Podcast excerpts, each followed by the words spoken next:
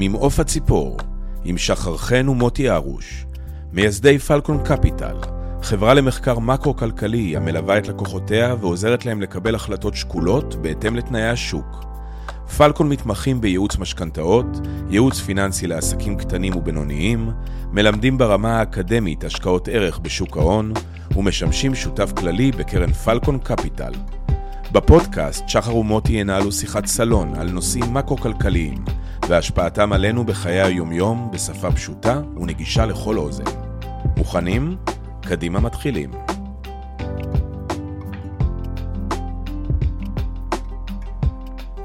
המועצה עוקבת מקרוב אחר התנאים בכל המערכת הפיננסית ומוכנה להשתמש במגוון הכלים שלה כדי לתמוך במשקי בית ועסקים ותנקוט בצעדים נוספים בהתאם לצורך.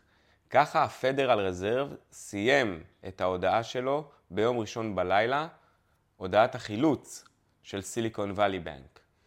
אהלן שחר. אהלן מוטי, מה קורה? מזל טוב. תודה רבה. ראית? אה, יום הולדת וקריסה של אה, בנקים. בארצות הברית ובאירופה. כן, אני מתחיל, אני מתחיל לחשוש. וואו, איזה שבוע היה לנו. כן, שבוע אה, מטורף. אין דבר כרגע שיותר חשוב, שיותר מדברים עליו, שהוא יותר צריך לעניין כל אנליסט ומשקיע, לא משנה אם הוא אנליסט בנקים או לא אנליסט בנקים, ולא משנה איזה צורות השקעה הוא עושה, זה למעשה קריסת הבנקים בארצות הברית אה, והברדק במערכת הבנקאות באירופה. שבוע שעבר ישבנו, הקלטנו פרק, האם חגיגת הבנקים תימשך. אנחנו דיברנו על הבנקים בישראל ונגענו בהמון המון נקודות אה, ש, שיכולות בעצם אה, לסמן סוג של דגלים ש, אדומים של או... את ה, להוריד את להבות השמחה. אנחנו דיברנו, אני, אני מזכיר, דיברנו על יחסי הנזילות בבנקים, על ה-liquidity coverage ratio. דיברנו על יחס אמצעי המימון הזמינים שיש לבנקים, דיברנו על יחסי הרווחיות שיש לבנקים, ואנחנו אמרנו למרות נופת הצופים של שישה מיליארד שקלים וחצי רווחיות של בנק הפועלים, לא יודע אם הייתי כל כך שמח.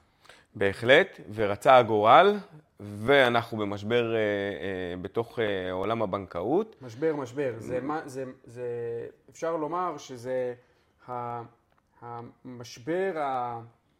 אתה יודע, ב-2008 אה, אה, גם היה המשבר הפיננסי הגדול ויותר מ-20 בנקים אה, קרסו שלמעשה במאזן הנכסים שלהם היה גם סביב ה-800, 900 ומשהו מיליארד, מיליארד דולרים בנכסים. היום אנחנו מדברים למעשה על שני בנקים שאנחנו מבינים ש... קרסו, אחד סיליקון וואלי ויש את הסיפור של קרדיט סוויס. תכף ניגע בקרדיט סוויס, זה סיפור קצת שונה מסיליקון וואלי. כן, ברור, אבל אתה יודע, הם שניים ביחד, שיש כן. להם סדר גודל של אה, נכסים בקנה המידה הזה. אגב, אין קשר ביניהם, זה אין, פשוט קרה אין, באותו שבוע. כן, אין קשר בין המקרים, אין קשר בין הנסיבות. גם 2008 היה סיטואציה שהיא שונה בכמה היבטים מהסיטואציה שקורית היום. אבל הדמיון זה למעשה בסופו של דבר מתכנס לאותו מקום וזה מחסור בנזילות. אז בוא רגע נתחיל לפני שנתקדם קדימה. היום, לשם שינוי, אנחנו לא נתחיל בעקום התשואות, אנחנו עוד מעט נגיע אליו, כי הוא מתחבר יפה מאוד לכל מה שאנחנו רוצים אה, להתחיל. אבל קודם כל בוא ניתן רגע פתיחה קצרה, מה קרה בעצם בסיליקון וואלי, אחר כך נבין מה קורה בקרדיט סוויס. נכון שיש ביניהם מכנה משותף של עשור של הדפסת כסף מטורפת שהלכה לתוך, חזרה לתוך המערכת הבנקאית והם בעצם היו אמורים להגן על הפקדונות האלה באמצעות אג"חים אה, כאלה ואחרים, אבל באה הקורונה, טרפה את הקלפים, התחילה אינפלציה, העלאת ריבית, ובום, מתחיל פה כל הסיפור הזה. שחר, סיליקון וואלי. מה הסיפור שלו? בסיליקון וואלי למעשה אנחנו מזהים היום שתי, שתי בעיות. סליחה או... רגע שאני קוטע אותך, אבל ברוב קצב האירועים אני מרגיש שזה כבר היה לפני שנתיים סיליקון וואלי. כן, אני גם מרגיש שזה היה כבר uh, מזמן, אז כאילו זה מן הסתם חשוב עבר, אבל שיהיה, שיהיה לה, כן. לאנשים שמאזינים לנו כלים איך לזהות את, ה, איך לזהות את הדברים. Uh, שתי בעיות. בעיה אחת זה uh, הסיפור של המומחיות. במה סיליקון וואלי התמחו? בסטארט-אפים, זה היה הבנק של הסטארט-אפים, היה הבנק של, הבנק של ההייטק, ככה קראו לו בישראל, אבל גם בארצות הברית, הרבה חברות טק נערו אליו, תיק הפקדונות שלו אה, מבחינת, ה, מבחינת התמהיל היה 54 אחוז או 56, אל תתפוס אותי על הפרומיל, לקרנות ונצ'ר קפיטל ולחברות הייטק. זה המון. כן. עכשיו, מה בעצם, מה בעצם בעיה פה? כשאתה למעשה מלווה, כשאתה למעשה לוקח פקדונות לקהל כזה ואתה בהמשך מלווה לקהל כזה, יש תהליך בכל מוסד פיננסי, אתה מכיר אותו טוב ממני כי באת מה, מה, מתחום של מוסדות שנותנים אשראי. שם לא מכירים את זה יותר מדי טוב, שם זה סיליקון וואלי. לצערנו, כל הסיפור של KYC, know your customer, know, know your client, ומה זה בעצם אומר? אתה צריך לבוא ולהכיר את המאפיינים, מאפייני התאגיד שממנו אתה לוקח פקדונות ומאפייני התאגיד שלו אתה מלווה. אם היו עושים KYC כמו שצריך, יכול להיות שעשו כמו שצריך, אבל לא הפיקו מזה משמעויות כמו שצריך, שאותן חברות... או שבחרו לא להתייחס לזה, כי נכון, היה מאוד נוח, נכון, היה מאוד נוח, חד משמעי. יכול לחבר אותנו למה שקרה בלימן בראדרס ב-2008. אמ, אז אה, מה שבעצם אה, אה, קורה, אתה צריך להבין שאותן חברות, זה חברות ששורפות מזומן בקצב שהוא מאוד מהיר, זה אחד.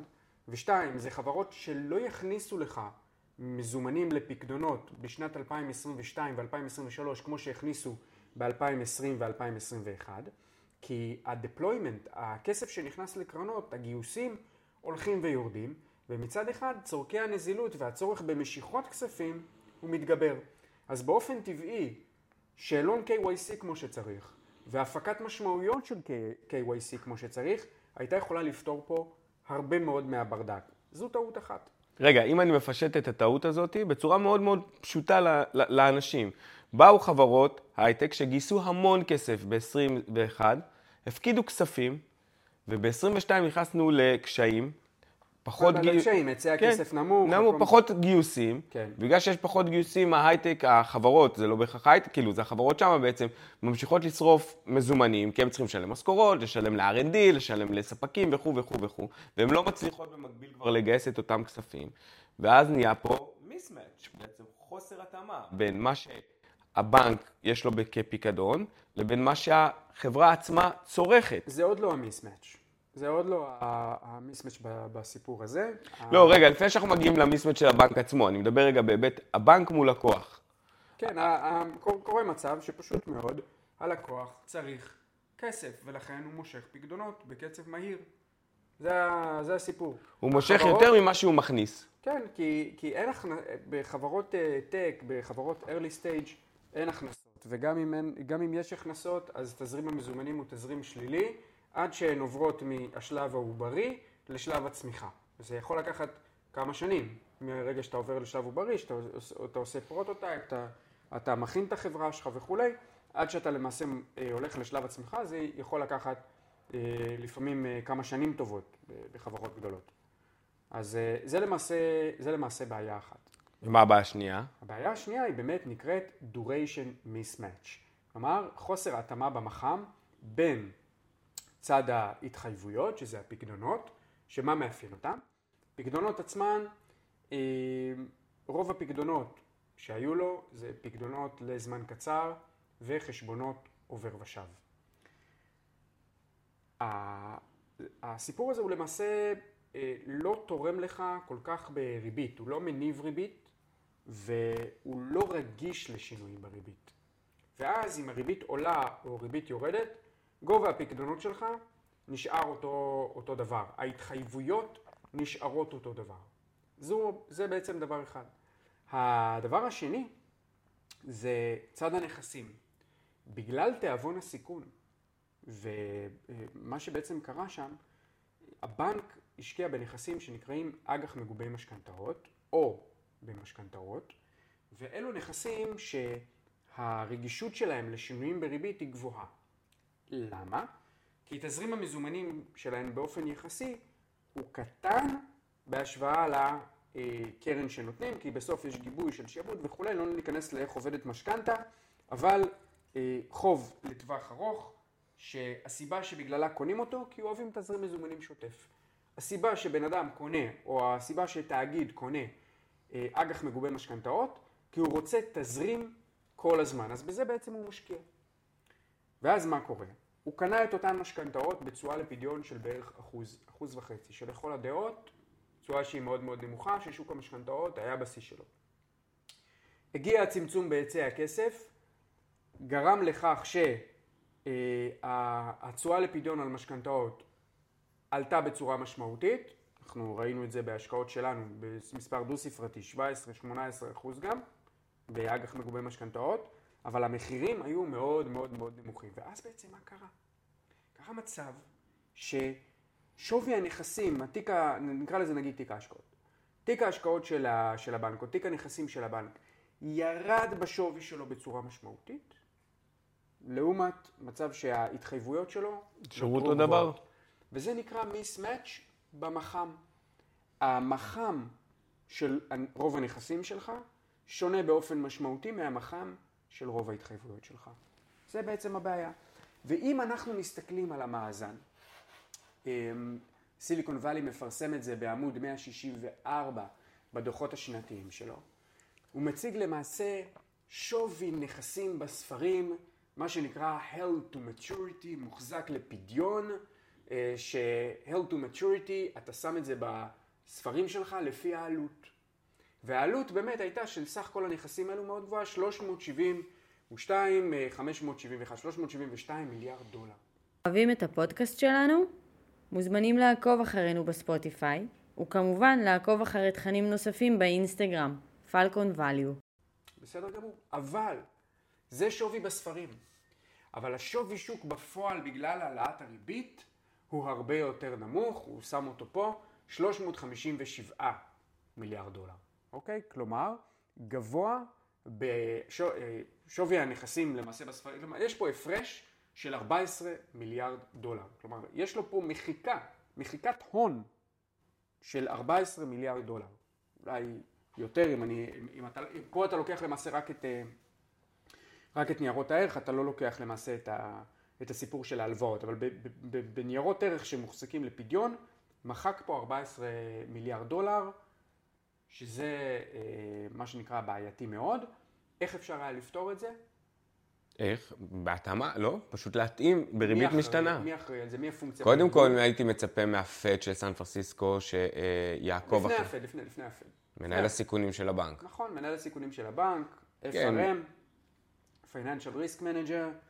אה, אחלה קורס, אגב. כן, אתה יודע, אתה הוסמכת כ- אה, כ-FRM. לא, לא הוסמכתי, לא ניגשתי למבחנים כן. של זה, אבל למדתי את כל הקורס שלהם, כן. אה, אז, אנחנו מבינים ש-FRM, אחד, הדברים של Financial Risk Manager, אה, זה למעשה לבצע את ההתאמה או לדאוג שתהיה הלימה והתאמה במח"מ בין הנכסים וההתחייבויות. אבל מה הייתה הבעיה בסיליקון וואלי?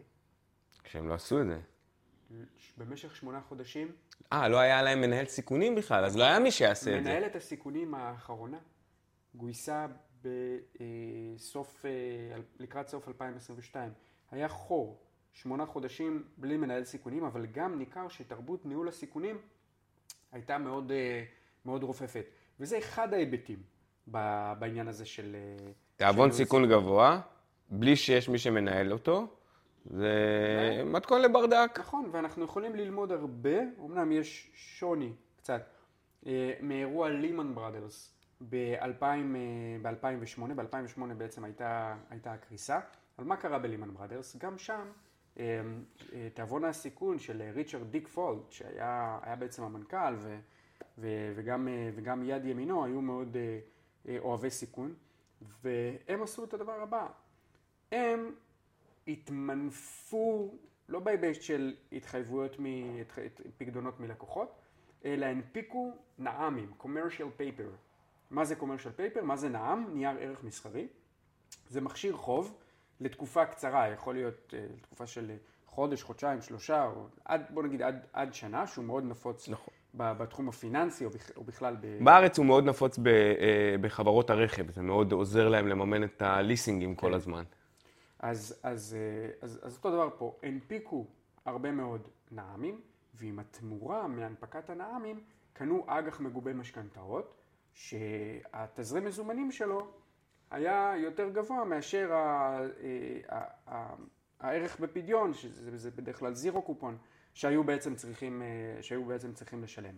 הנפיקו, רכשו אג"ח מגובה משכנתאות. הנפיקו, רכשו אג"ח מגובה משכנתאות. לימון בראדרס הגיע למצב שהיא ממונפת פי 44 או פי 48 על, ה... על ההון שלה. אה, ועוד בשנת 2006 ניגש, ניגש ה-Head of Fixed Income. ל... האנליסט הראשי של של הכנסות, כן, של אה, בליאם בראדרס, הוא אמר להם, חבר'ה, עוד ב-2006 הוא אומר להם, חבר'ה, מה אתם עצרו עושים? את זה עכשיו, עוצרים את זה. עוצרים את זה, ו... ו... לא הקשיבו לו. דיק פולד אמר לו, חביבי, אל תדאג, אנחנו צריכים להעלות את שורת ההכנסות ושורת הרווח, וזה כרגע מה שחשוב. לך למחלקה שלך ותמשיך לעשות את מה שאנחנו אומרים לך. אגב, מה הוא עשה אבל ברמתו כדי לנהל את הוא הסיכון? הבין שהמצב חרבנה, ועוד ב-2006 ו-2007 הוא הולך והוא מבין ששוק הנדל"ן בארצות הברית נראה במצב של גיהנום.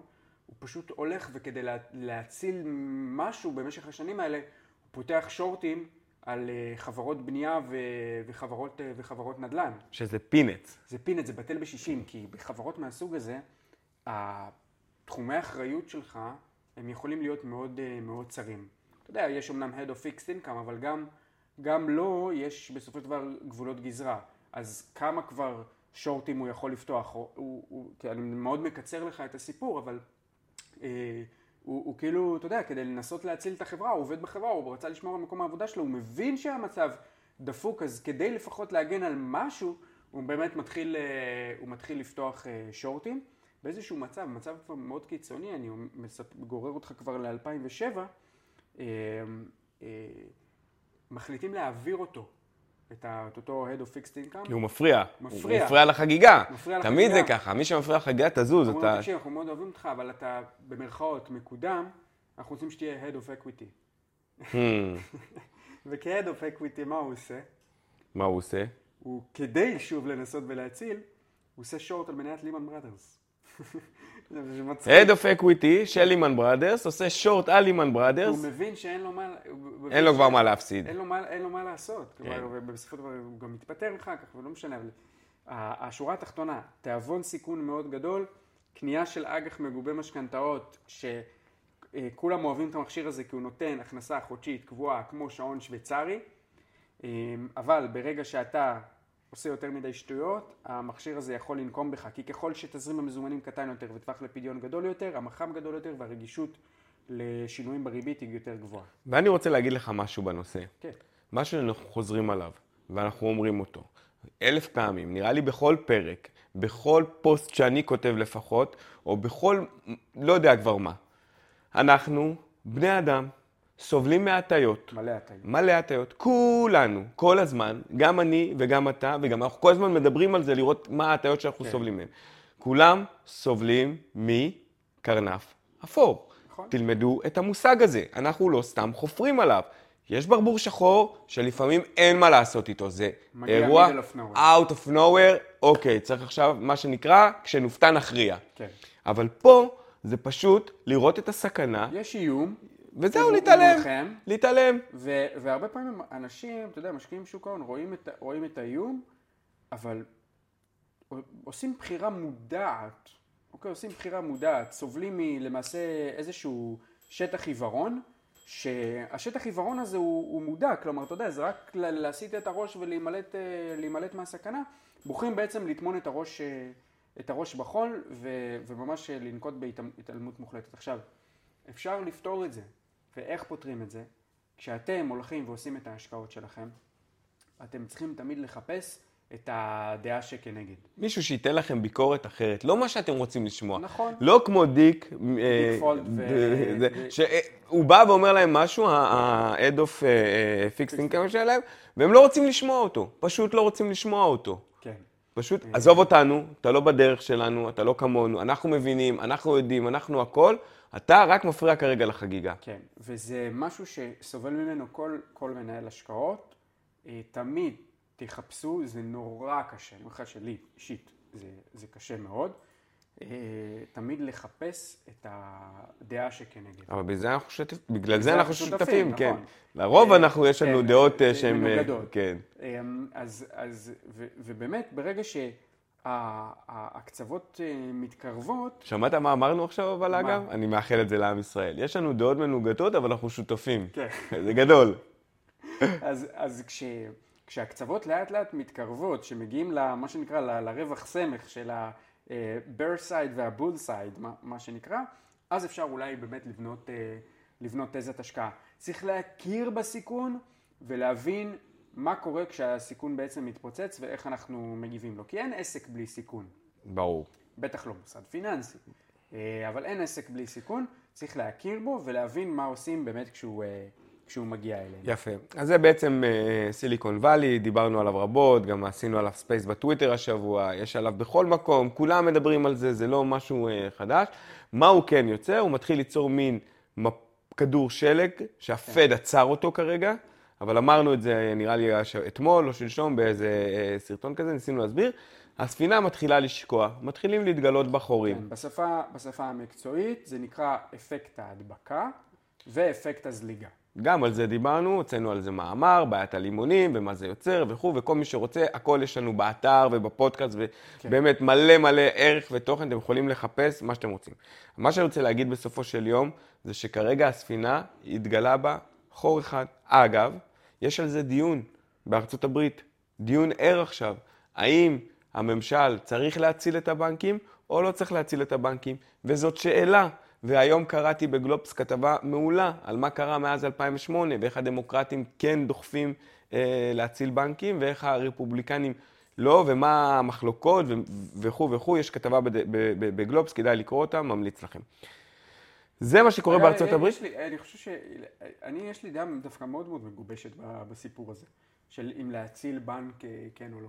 אני, כמו שאני תמיד אומר, שחר, אל תסיים משהו בסימן קריאה, תסיים, תסיים אותו בסימן שאלה, לא, כי יש... אבל דווקא פה... אני לא יודע. דווקא פה- אני לא יודע מה נכון או לא נכון. רגע. אני אשאל אותך שאלה, רגע, עצור. אני אשאל אותך שאלה. אתה עכשיו שם כסף, ב...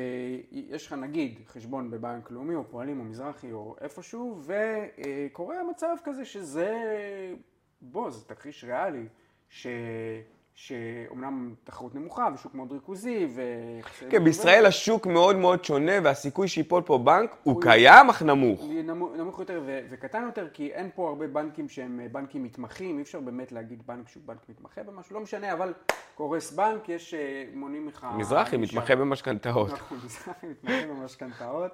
אה, ובאמת, עכשיו מזרחי עכשיו מגיע למצב שאין, הוא, הוא, בב- יש בעלת משיכות, יש לו מיסמץ', ויש לו מיסמץ', קטן אמנם, אבל יש לו... בישראל זה קצת שונה, כי הריביות פה הן משתנות, אז הוא כל כן, הזמן יכול אתה- לעשות את ההתאמה של אם אתה. מצמיד את כן. הנכסים שלך, ויש הרבה נכסים בריביות אה, אה, משתנות, אז זה, זה כמובן הופך אותם לפחות אה, פחות רגישים, אבל, אוקיי, אבל, מה, מה קורה אם זה עושה? אז נגיד מה, לא תקבל את הפיקדון שלך?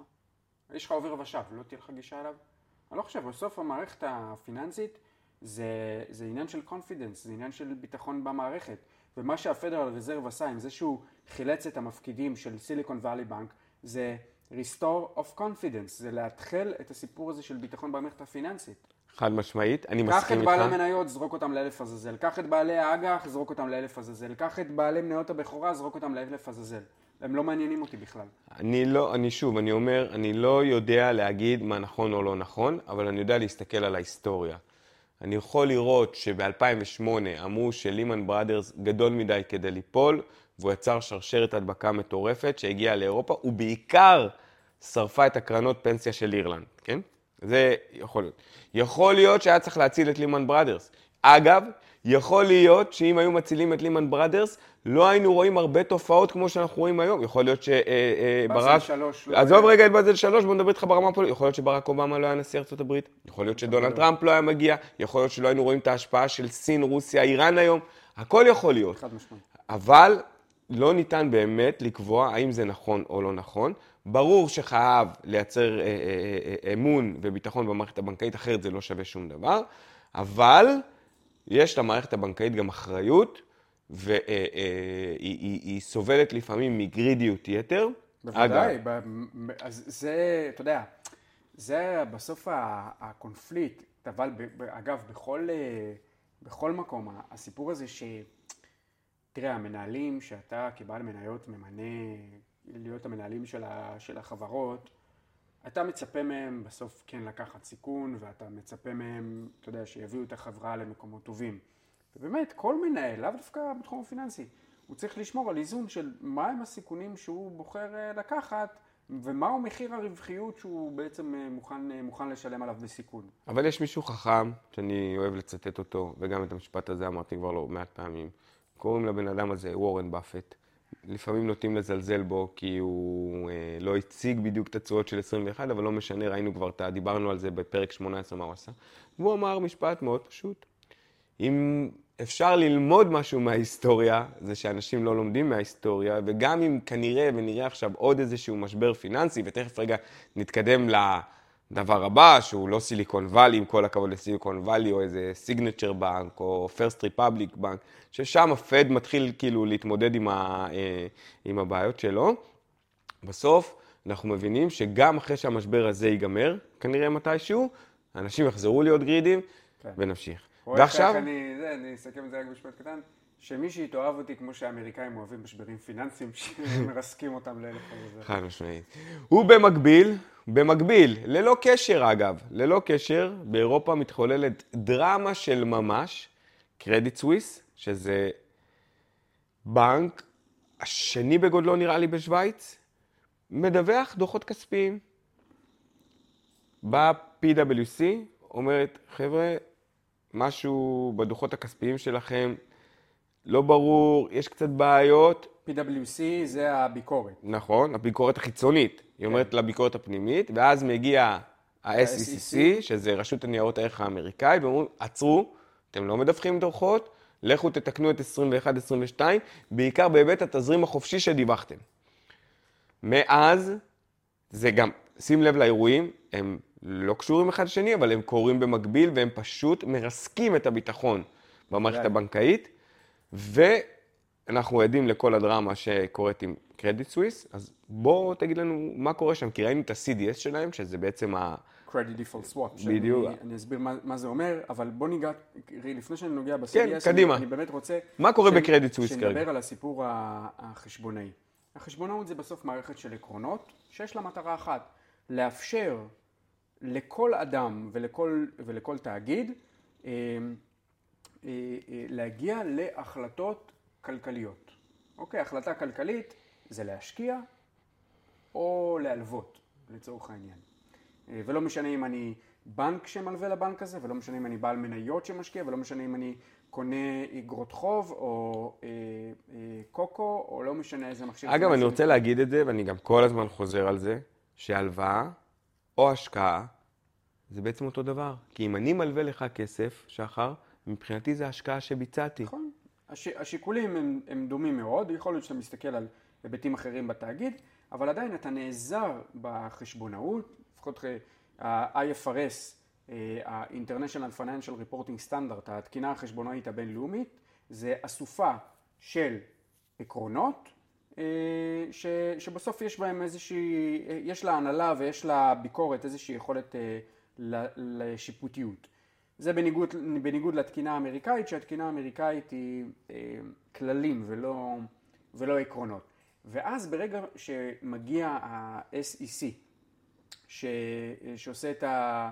שבעצם עושה את הביקורת לתאגיד השוויצרי ומסתכל על הדוחות הכספיים ובא ואומר, חבר'ה, אתם, יש לכם רישום חשבונאי שהוא שגוי, או הייתם אגרסיביים מדי בהכרה של נכס, או אה, באי הכרה של התחייבות, או בהכרה באיזשהו נושא כזה או אחר, שעיוות את, ה...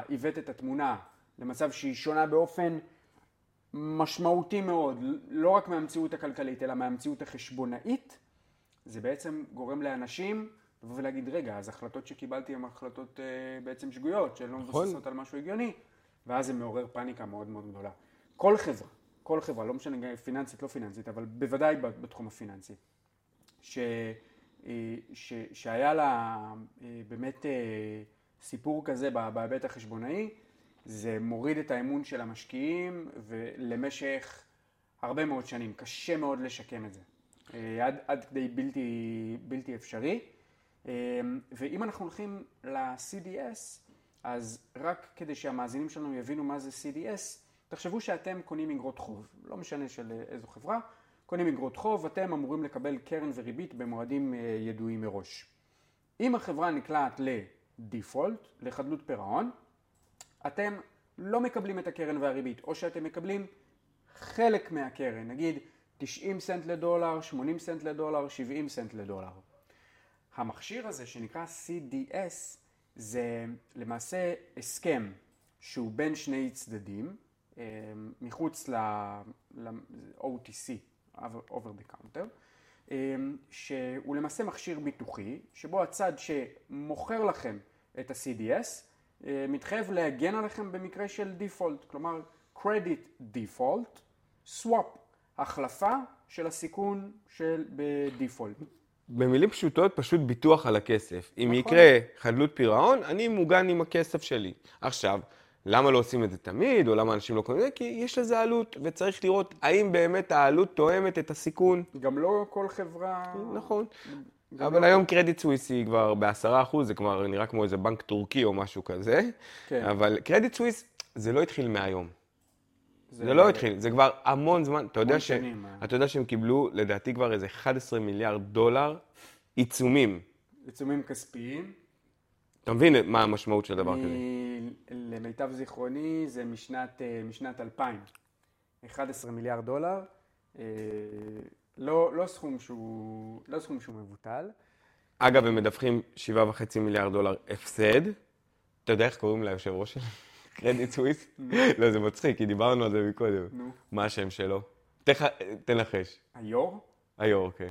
לא, לא, דיברנו, לא. דיברנו על חברה כזאת מקודם. סתם של ההיבט, כאילו... לימן? לימן. קוראים לו לימן. יפה. כן, זה מצחיק. זה כמו שראיתי השבוע שמישהו העלה שה-CFO אה, אה, נראה לי, או משהו כזה, של, אה, אני לא זוכר בדיוק מה התפקיד שלו, של SVB, של סיליקון...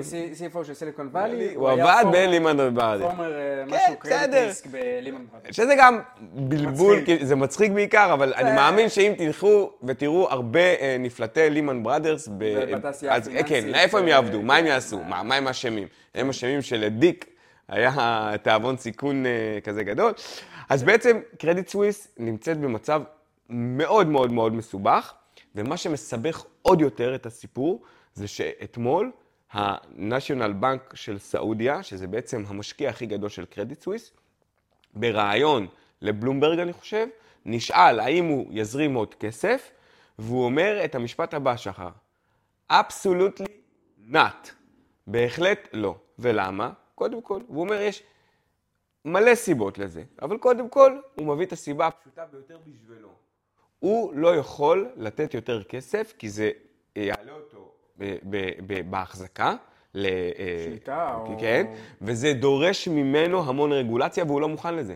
כן. ואז הוא אמר, we have another reasons, אבל זה כאילו הריזן, הסיבה המרכזית. למה זו הסיבה המרכזית? כי הוא לא רוצה לא רגולציה של אירופה ולא בא לו עוד רגולציה כנראה מסעודיה וכו' וכו' וכו', אני לא יודע מה הרגולציה. זה, זה יכול לשנות אותך, יכול לשנות את המבנה של הדוחות הכספיים שלך, ולפעמים להרוס אותך מבחינת רווח. אה, זה יכול להכיל עליך רגולציה נוספת. אה, ומעבר לכך, אני מבין, יכול להיות שהוא לא רוצה. עזוב, הוא פשוט לא רוצה. הוא כן. פשוט לא רוצה, וזה פשוט עוזר לו להגיד לא בצורה מנומסת, ואני מבין אותו. הרי מה אתה עושה ברגע שאתה רואה שה... אתה יודע מה, אני חייב לספר לך סיפור. פשוט היה לי כזה, זה באירוע של מיקרו, אבל הוא מאוד מאוד מאוד מסביר את הדברים האלה. לפני כמה שנים, כשעבדתי באשראי, הייתי מחלק, אה, מחלק, הייתי נותן הלוואות. בעיקר לעסקים, קאפקס, זה מה שעניין אותי, ואז יום אחד אה, בא חבר ואמר לי, שמע, אני חייב שתעזור לחברה הזאת. הביא לי איזה מישהי שהייתה צריכה, אמרתי לו, תשמע, א', אני לא עוזר, כי אני לא עמותת פעמונים, אני לא יכול לעזור לה, אני יודע לתת כן. כסף, וכל מה שמעניין אותי, אגב, וזה מה שאני מסביר להרבה אנשים, כל מה שמעניין מושג פיננסי זה שהוא ייתן לך כסף ויקבל אותו חזרה. הוא לא רוצה את הבית שלך, הוא לא שלך, הוא לא רוצה את החופשה שלך, הוא לא רוצה כלום, הוא רוצה לתת לך כסף ולקבל אותו חזרה. אותו חזרה עם אה, ריבית בהתאם לסיכון. יפה, ואז היא באה, ואמרתי לה, טוב, תשמעי, אני לא אוהב הלוואות צרכניות, אני לא מבין מה המטרה שלהם גם, אני גם לא נותן לך מטרה, אני גם לא בטוח שתחזירי את הכסף, אבל לא משנה, בואי תביא רגע את הדוחות הכספיים שלה. הדוחות הכספיים שלה, זה התלושי שכר, והטזמז. והיה לה תלושים? היה לה, כן, היא מורה. אוקיי. מורה, מורה, מורה. הלכה, הביאה את הכל, אני מסתכל, אתה יודע, רואה- כמה היא מרוויחה, מתחיל לעבור על העובר ושב, רואה הלוואה מישראכרט, הלוואה מזה, הלוואה מזה, הלוואה מזה. אני אומר טוב, תקשיבי, אני לא מוכן לתת לך כסף. ולמה? למה אני לא רוצה לתת לך כסף? זה לא כי אני בן אדם רע. א', כי את לא תחזירי לי אותו. וב', שזה יותר חשוב לך, משהו רגע, זה אני פשוט אעמיק לך את הבור עוד יותר.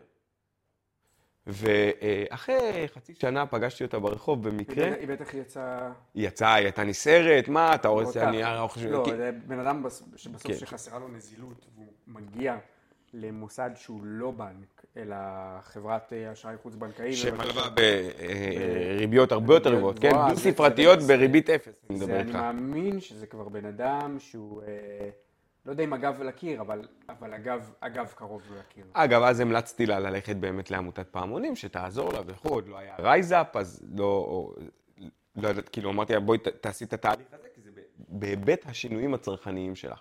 אחרי חצי שנה פגשתי אותה ברחוב, היא באה, באה אליי כזה מאחורה, הסתובבתי, נתנה לי חיבוק ונשיקה על הלכת, היא אמרה לי, תודה, תודה, תודה, תודה, תודה שהצלת אותי, שלא נתת לי את הכסף הזה באותו יום.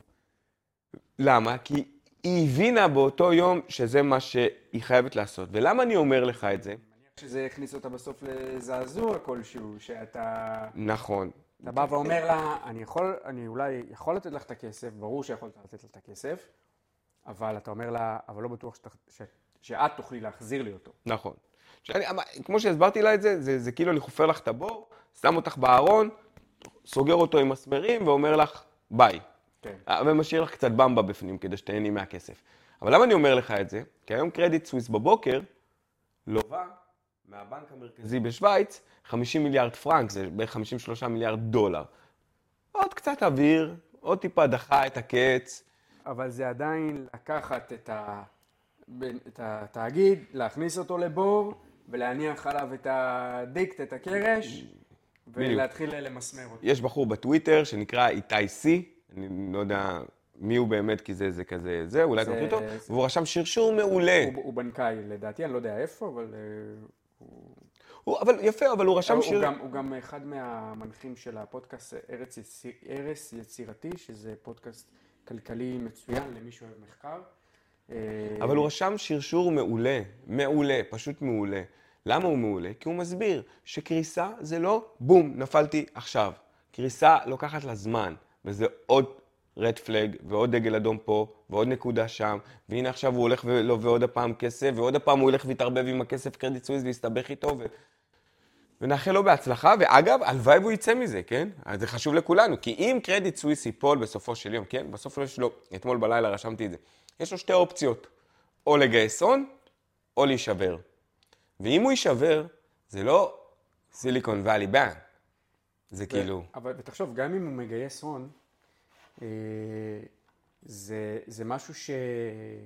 ש, שהוא הוא לא יכול לגייס את זה במחירים הנוכחיים, הוא כמו סיליקון וואלי, הוא יהיה חייב לוותר אה, מבחינת התמחור בצורה מאוד מאוד משמעותית ולהנפיק בדיסקאונט שהוא מאוד משמעותי, מה שיעלה את מחיר ההון ובכלל יגרום לכל השוק ל... יפה. לטרלול. אז שחר, אני רוצה עכשיו, סוף סוף, לקחת אותך בעצם לכל מה שמטרלל את השוק, וגם ראיתי לא מעט אה, אה, ציוצים בנושא, שהפד אשם בגלל שהוא העלה את הריבית.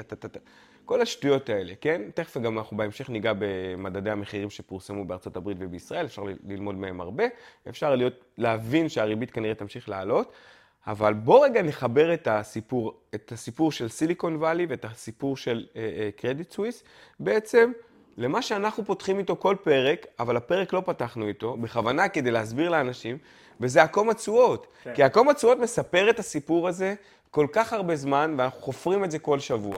כן, אז אה, אנשים שהם אה, סוחרים על עקום התשואות או משקיעים לפי עקום התשואות, אה, אני חש עליהם אמפתיה רבה כי אני ביניהם, ו... ו... ובסוף אנחנו מבינים שכלכלה זה משהו שעובד לאט, ולא לצפות שאם יש איזו סיטואציה שאנחנו צופים אז, אז היא, היא תקרה מיד.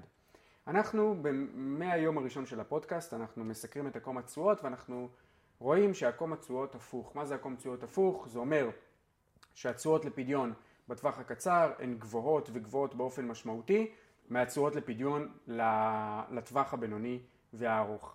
המצב הזה מלמד אותנו על דבר אחד, אה, שאנחנו נמצאים במשבר נזילות, שוק האג"ח רואה סיכונים מאוד גדולים במשק הפיננסי בטווח הקצר, ואנחנו בעצם נערכים לכלכלת מיתון אה,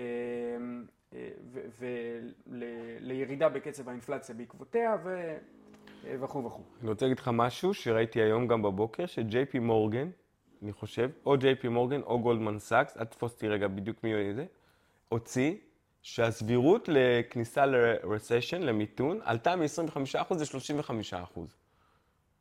אני לא יודע, אני באמת לא מבין איפה הם. אני כבר לא יודע איפה הם. כאילו, אין מיתון? הוא לא התחיל כבר? אני חושב שראיתי אה, הודעה של אותו גוף שאומר שהסבירות למיתון היא 100%. אה, אבל אה, לא, לא, אני מעדיף רגע, פה ספציפית, עזוב אותי כמה מופיעים אפורים, אני מעדיף רגע להקשיב לעצמי. אוהבים את הפודקאסט שלנו? מוזמנים לעקוב אחרינו בספוטיפיי, וכמובן לעקוב אחרי תכנים נוספים באינסטגרם, פלקון ואליו.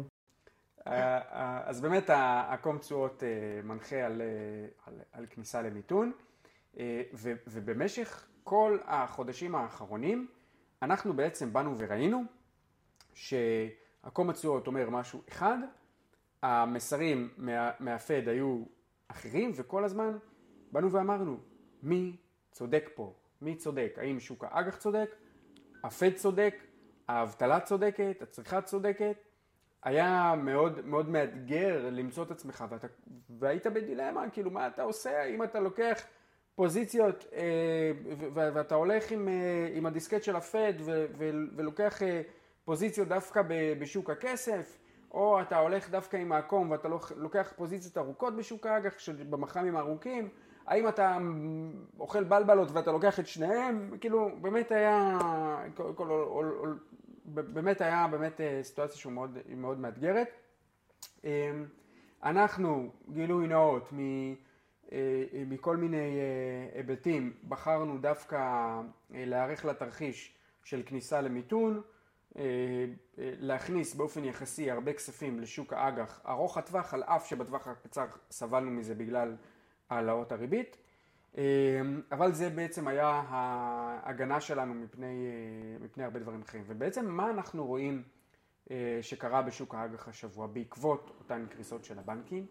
התשואות לפדיון בטווח הקצר פשוט נופלות כמו אבן, נופלות כמו אבן. אם לפני אה, אה, חמישה ימים, ארבעה ימים, היינו אה, לפדיון אה, במכשיר שוק הכסף לחודש 4.83 אה, אחוזים לשנה, ירידה של 60 נקודות בסיס, 60 נקודות בסיס זה לקרוס כמו סלע ל-4.23. אה, אג"ח לשנתיים מ-4.9 אחוז תשואה לפדיון יורד ב-97 נקודות בסיס ל-3.93. ויורד ב-25 נקודות בסיס מתחילת השנה, זה לקרוס, קריסה בתשואות לפדיון כמו סלע, כלומר זה עליית מחירי אג"ח, קריסה בתשואות לפדיון, דבר שמלמד על מצוקה פיננסית גדולה מאוד במשק הפיננסי ומגלם הורדת ריבית קרובה מאוד. זה מה שאומר לנו בעצם עקום, עקום אה, התשואות. זאת אומרת שעקום התשואות בעצם בסופו של יום אומר שיכול להיות שאנחנו בדרך ל hard landing מאשר ל soft landing. נכון, והיו לנו פה הרבה דיונים על זה, ואתה יודע, אכלנו בלבלות אם אנחנו הולכים ל hard landing, soft landing, no landing, ואתה יודע, אני, אני כאילו, אני גם כאילו אמרתי, טוב, לא, לא משנה, אז נגיד אם אני הולך ל hard landing או soft landing, אז אני אקח אג"ח ארוך, אני אהיה מוגן בשני, ה, בשני התרחישים האלה. אני מעדיף לסבול את זה, גם אם עכשיו אנחנו נשארים ב, בסביבת ריביות הגבוהות, ואז אתה רואה את הקריסה של הבנקים. קצת שמחתי, כי יש לי פוזיציה גדולה באג"ח, אה, ולנו בקרן. אה, אה, רגע, אני רוצה להגיד משהו.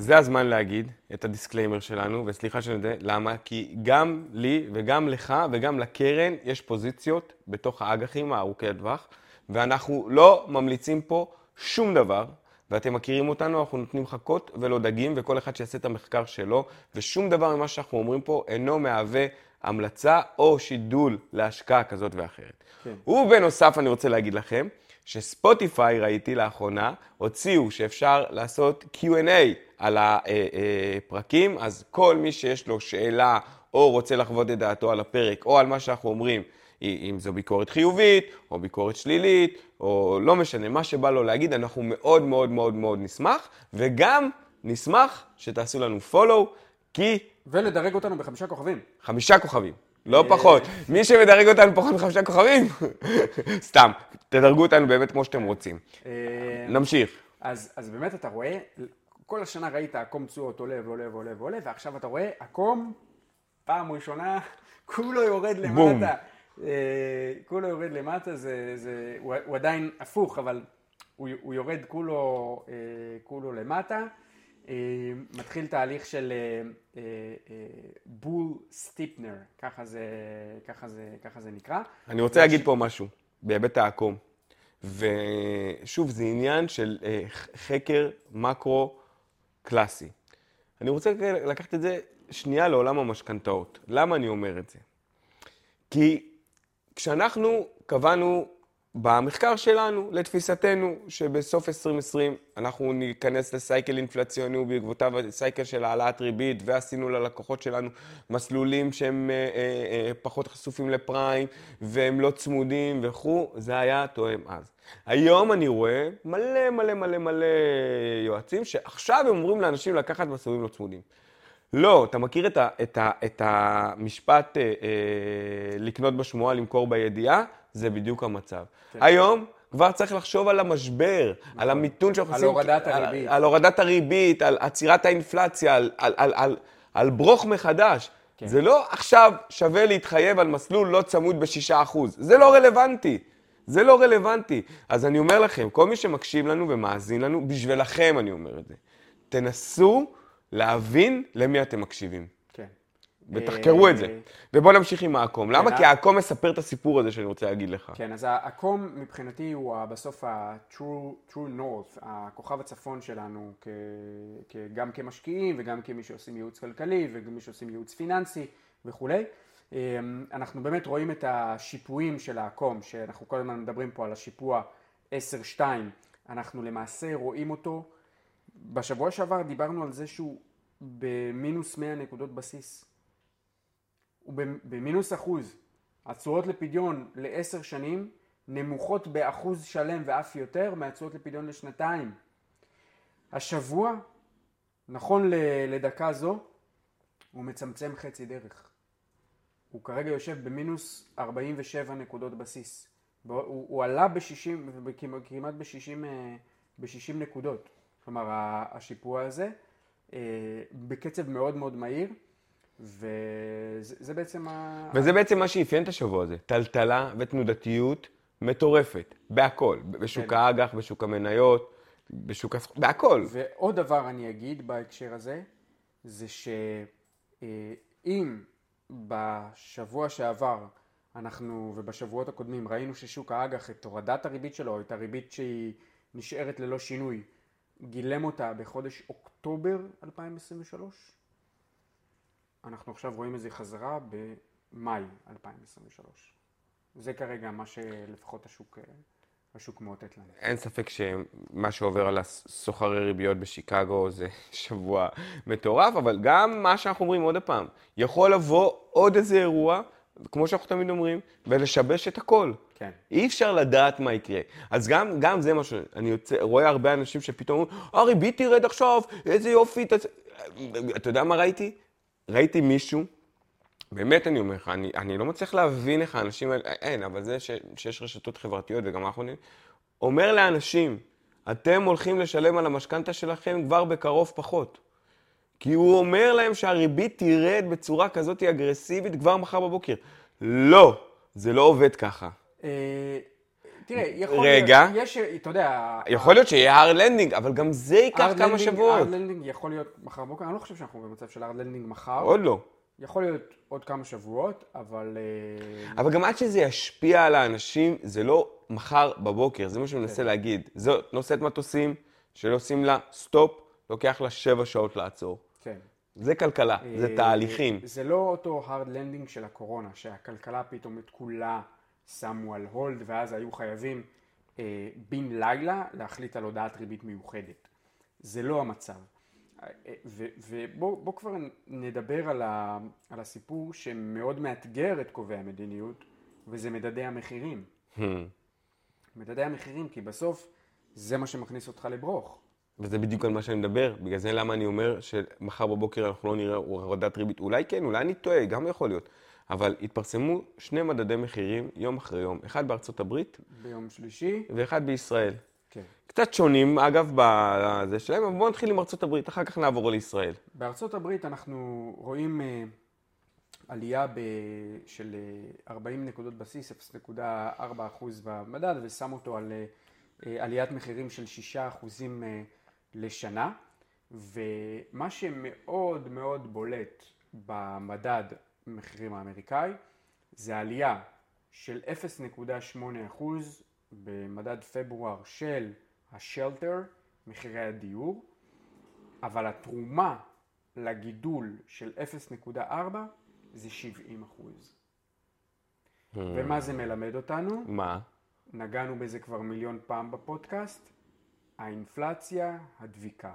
קבוצת המחירים הדביקים שלא יורדת ביום אחד. לא.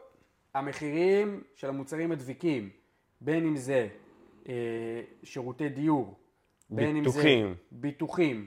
אה, שירותים רפואיים לרבות שירותים וטרינריים, אה, מיסי עירייה, עולים. זה אינפלציה דביקה, ומאוד קשה לנתק אותה מהמגמה. אה, נכון שיש אינפלציה שהיא גמישה, שזה מחירי סחורות, דלקים, רכבים, שזה משהו שהוא הרבה יותר תנודתי, אבל המשקל שלה במדד המחירים לצרכן הוא הרבה יותר קטן. ואז עכשיו יושב הפדרל רזרב ואומר, רגע, יש לי פה עליית מחירים. הדיור היה המטרה המרכזית שלי לפני שהתחלתי להעלות את הריבית. מה אני עושה? בהחלט דילמה, ובגלל זה אני אומר, לפני כמה דקות, פשוט לפני כמה שנים, למה אני חושב שלא תגיע הורדת ריבית כל כך מהר? כי הורדת ריבית היא בעצם תהווה דלק סילונים לתוך האינפלציה. ובסוף צריך לזכור, קודם כל, תמיד, מה המטרה של הבנק המרכזי? שחרר את שולי. המטרה של הבנק המרכזי זה לשמור על יציבות מחירים ותעסוקה מלאה. קודם כל, לפני המערכת הפיננסית, לפני הנדל"ן, לפני הכל. קודם כל, הוא צריך לשמור על יציבות מחירים. ולכן, הוא ימשיך להילחם באינפלציה. כי הוא לא יכול להגיד פתאום, טוב, קרס לי בנק, או שאני לפני קריסה של המערכת הפיננסית, אז אני אעצור עכשיו את העלאות הריבית. אז אני, אז, אני, אז אני בעצם נותן דלק סילונים לאינפלציה, אז אני אמשיך פה בלאגן שלם. אגב, אני לא יודע, אני לא מקנא בג'רום פאוול, כן? אני לא יודע מה עובר עליו, אה, אבל אני לא יודע בעצם מה עובר לו בראש, מה הם מתכננים לעשות, אנחנו נגלה את זה, אני מאמין, שבוע הבא. אה, אתה יודע, ש- שמעתי את לארי סאמרס אתמול בבלומברג, שלשום, אתמול, לא זוכר כבר, קצב אירועים משוגע, שהוא אומר, חבר'ה, אני לא מצליח להבין למה אתם מורידים את, אה, אה, את העלאת הריבית מהשולחן, מאיפה כן. באתם עם זה? תזכרו מה המטרה של הבנק המרכזי. אז יכול להיות שזה לא יהיה חצי אחוז, כמו שציפינו לפני שבוע. אז יהיה 25 נקודות בסיס. מה זה באמת כבר מהותי? כאילו, בס... קודם כל אנחנו רואים שהריבית מתחילה לפעול. כמו שאמרנו, לריבית לוקח לפחות תשעה חודשים אחרי שהיא מתחילה לעלות, להתחיל להראות את אותותיה. אז אנחנו רואים שהיא מתחילה לעבוד, היא קצת מייצרת פרש... לחץ על, ה... על המערכת הבנקאית, אבל היא צריכה לייצר יותר לחץ בעצם על, ה... על, הצריכה. כן, על הצרכנים, ושם אנחנו עוד לא רואים את זה.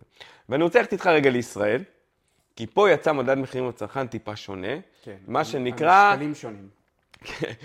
האינפלציה פה לא עוצרת. לא. לא עוצרת, אמרנו מדד חרבות, אז זה מדד... מדד חרבות.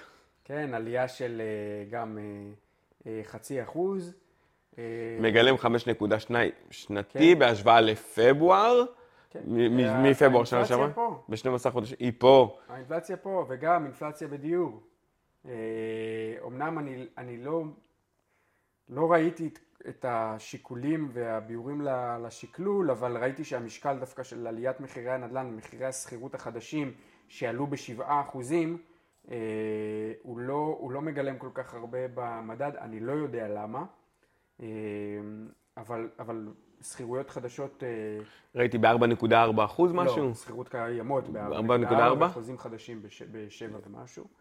אה, קיבל משקל נמוך מאוד בתוך המדד הכולל, אבל זה אינפלציה דביקה. והיא פה? כן, והיא, והיא פה, וייקח לדעתי עוד זמן עד שיתירו אותה. אני לא מקנא גם בנגיד שלנו. שנמצא גם תחת אה, הרבה לחצים מכיוונים אחרים. כן. אה, שוב, אתה יודע, אה, כולם כבר מתבטאים בהכל וכבר אין פה, אני כבר לא יודע מה, אבל אני, אני אומר לכם, הנה אני אומר לכם חברים, אנחנו מבולבלים ואנחנו כרגע, בגלל כל הבלגן שקורה במדינה, בגלל הרפורמה, אנחנו שכחנו מי האויב האמיתי שלנו. והאויב האמיתי שלנו, שחר, תקשיב טוב, אני אומר את זה הרבה, זאת האינפלציה. רק האינפלציה. היא לא יודעת מה זה ימין, היא לא יודעת מה זה שמאל. היא לא יודעת מה זה חרדי, היא לא יודעת מה זה חילוני, היא לא יודעת מה זה ערבי ומה זה יהודי. היא לא יודעת את הדברים האלה. היא לא יודעת, אבל היא תוקפת. היא יודעת רק לתקוף את השכבות החלשות. כן. ולפרק אותם. ולהמשיך ה- לפרק את אותם. מקבלי הקצבאות, את, אה, אה, את בעלי הכנסה נמוכה, זה מי שהיא הולכת ותוקפת אה, ראשונה. אוקיי? אז אה, חשוב שהמאזינים שלנו יבינו את זה, והיום כששואלים אותי, שחר, או אני רואה בקבוצות, אה, ברשתות החברתיות, במה הכי טוב להשקיע לטווח ארוך? אנחנו בסייקל אינפלציוני. אתם צריכים להשקיע במה שיגדיל לכם כרגע את השורה הראשונה.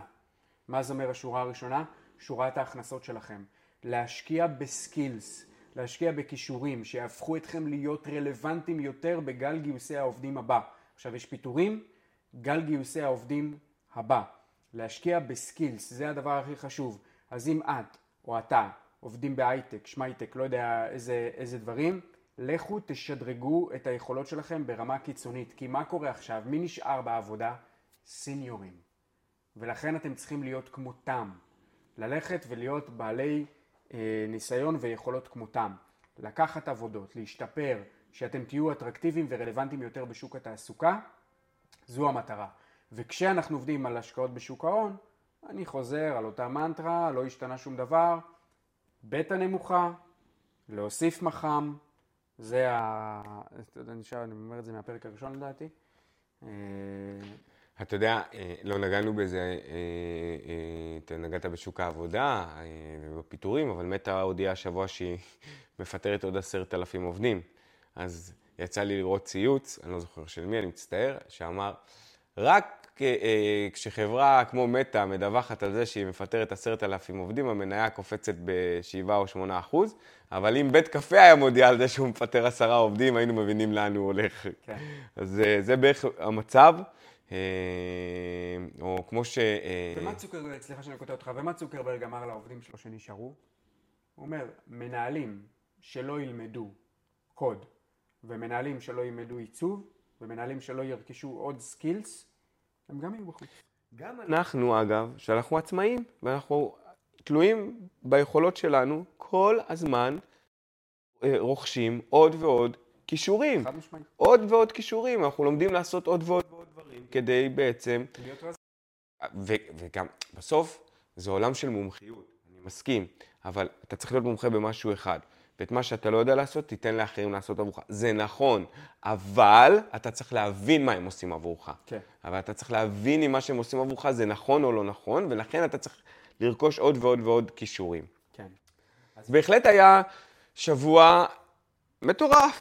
כן. מטורף, מעניין, לא נגע, יש עוד מיליון דברים שנגענו, הייתי השבוע גם עוד בכנס משקיעים של מטריקס, גם שמה הכל נשאל, והרפורמה, מהפכה, כל אחד שיקרא לזה איך הוא רוצה, שעושה פה בלאגן לא נורמלי, ואנשים עכשיו באיילון נלחמים, כן, אבל כן. אני אסיים עם אותו מסר. אנחנו עם אחד, אחים, שגרים פה, וגם אם יש לנו דעות שונות, אנחנו עדיין צריכים לחיות פה ביחד. והנה אני אומר לכם, גם לי ולשחר, לא תמיד אנחנו מסכימים על כל הדברים. אבל בסופו של יום בוועדת השקעות אנחנו מבינים איך צריך להגיע להבנה, כי צריך להתקדם כן. ולהשקיע. להסתכל על הסיכונים בעיניים ולהבין איך אנחנו פועלים עם הסיכון ולאור המטרה של לעשות הרבה כסף. זה, זה הסיפור. נכון. אז גם אם אנחנו לא מסכימים אה, אה, אה, ל- אה, האם הרפורמה צריכה להיות X או Y, או האם זה מהפכה, מהפכה משפטית, הפיכה משפטית. אז די, וגם די לתקוף את כל הפקידים, יועצים של הממשלה. אה, מכאן אני רוצה לחזק את אה, אה, נגיד בנק ישראל, כן. למרות שאני חייב להגיד שאני חושב שזה לא היה נכון ללכת לשידור, לראיון ב-CNN ולהגיד דברים על הכלכלה הישראלית. בגלל מעמדו ובגלל שכלכלה זה עניין של סנטימנט, אבל אם הוא בחר לעשות את זה... עליך, אני חושב שדווקא פה נבון וחכם, יכול להיות. מעמד בערוץ כזה, ערוץ עם, אתה יודע, חשיפה שהיא, שהיא משמעותית מאוד. אה, ו... ו... שוב, אני חושב שאת הכביסה המלוכלכת צריך לעשות בתוך הבית ולא בחוץ, ואני לא חושב שצריך לרוץ לזה, אבל הוא, הוא, הוא, הוא אה, אה, ילד גדול. פרופסור. כן, יודע יותר טוב ממני כנראה, ועם כל הכבוד לי, מי אני מול הנגיד, מול הניסיון והיכולת שלו, אבל אני חושב שכדאי להקשיב לאנשים שמתריעים. אגב, לא דיברנו על זה, אבל פרסמנו, גם צים מפרסמת בדוחות הכספיים שלה, האזהרה לגבי הרפורמה. חברה שיש לה מניית זהב של כן, המדינה. כן, והיא אומרת, מה היא אומרת? מה היא אומרת בסוף? הדבר הכי, שהכי זה. אם תהיה... לא יכניסו אותנו. לא יכניסו, יש נמלים שאנחנו יודעים שלא יכניסו אותנו. יש נמלים שאנחנו יודעים שיסגרו בפנינו. יש הסכמים עם חברות אחרות, אתה יודע, יש את ה... A2 Alliance, יש את, ה, אה, אה, את, ה, את ההסכם שת"פ עם אה, מרסקה ו-MSC, יכול להיות שלהסכמים דומים אנחנו לא נצליח להיכנס. נכון. אז בואו רגע, אני אומר לכולם בסופו של יום, וזהו, אנחנו חייבים לסיים שחר, אנחנו פשוט גלשנו פה. בואו נחיה בכיף ובאחווה. כן. תודה רבה, שחר. שיהיה לך תודה, מוטי. תודה רבה, ושתהיה לנו שבת שלום. שבת שלום ושקטה. ביי, כל טוב. ביי ביי. תודה שהייתם איתנו בעוד פרק.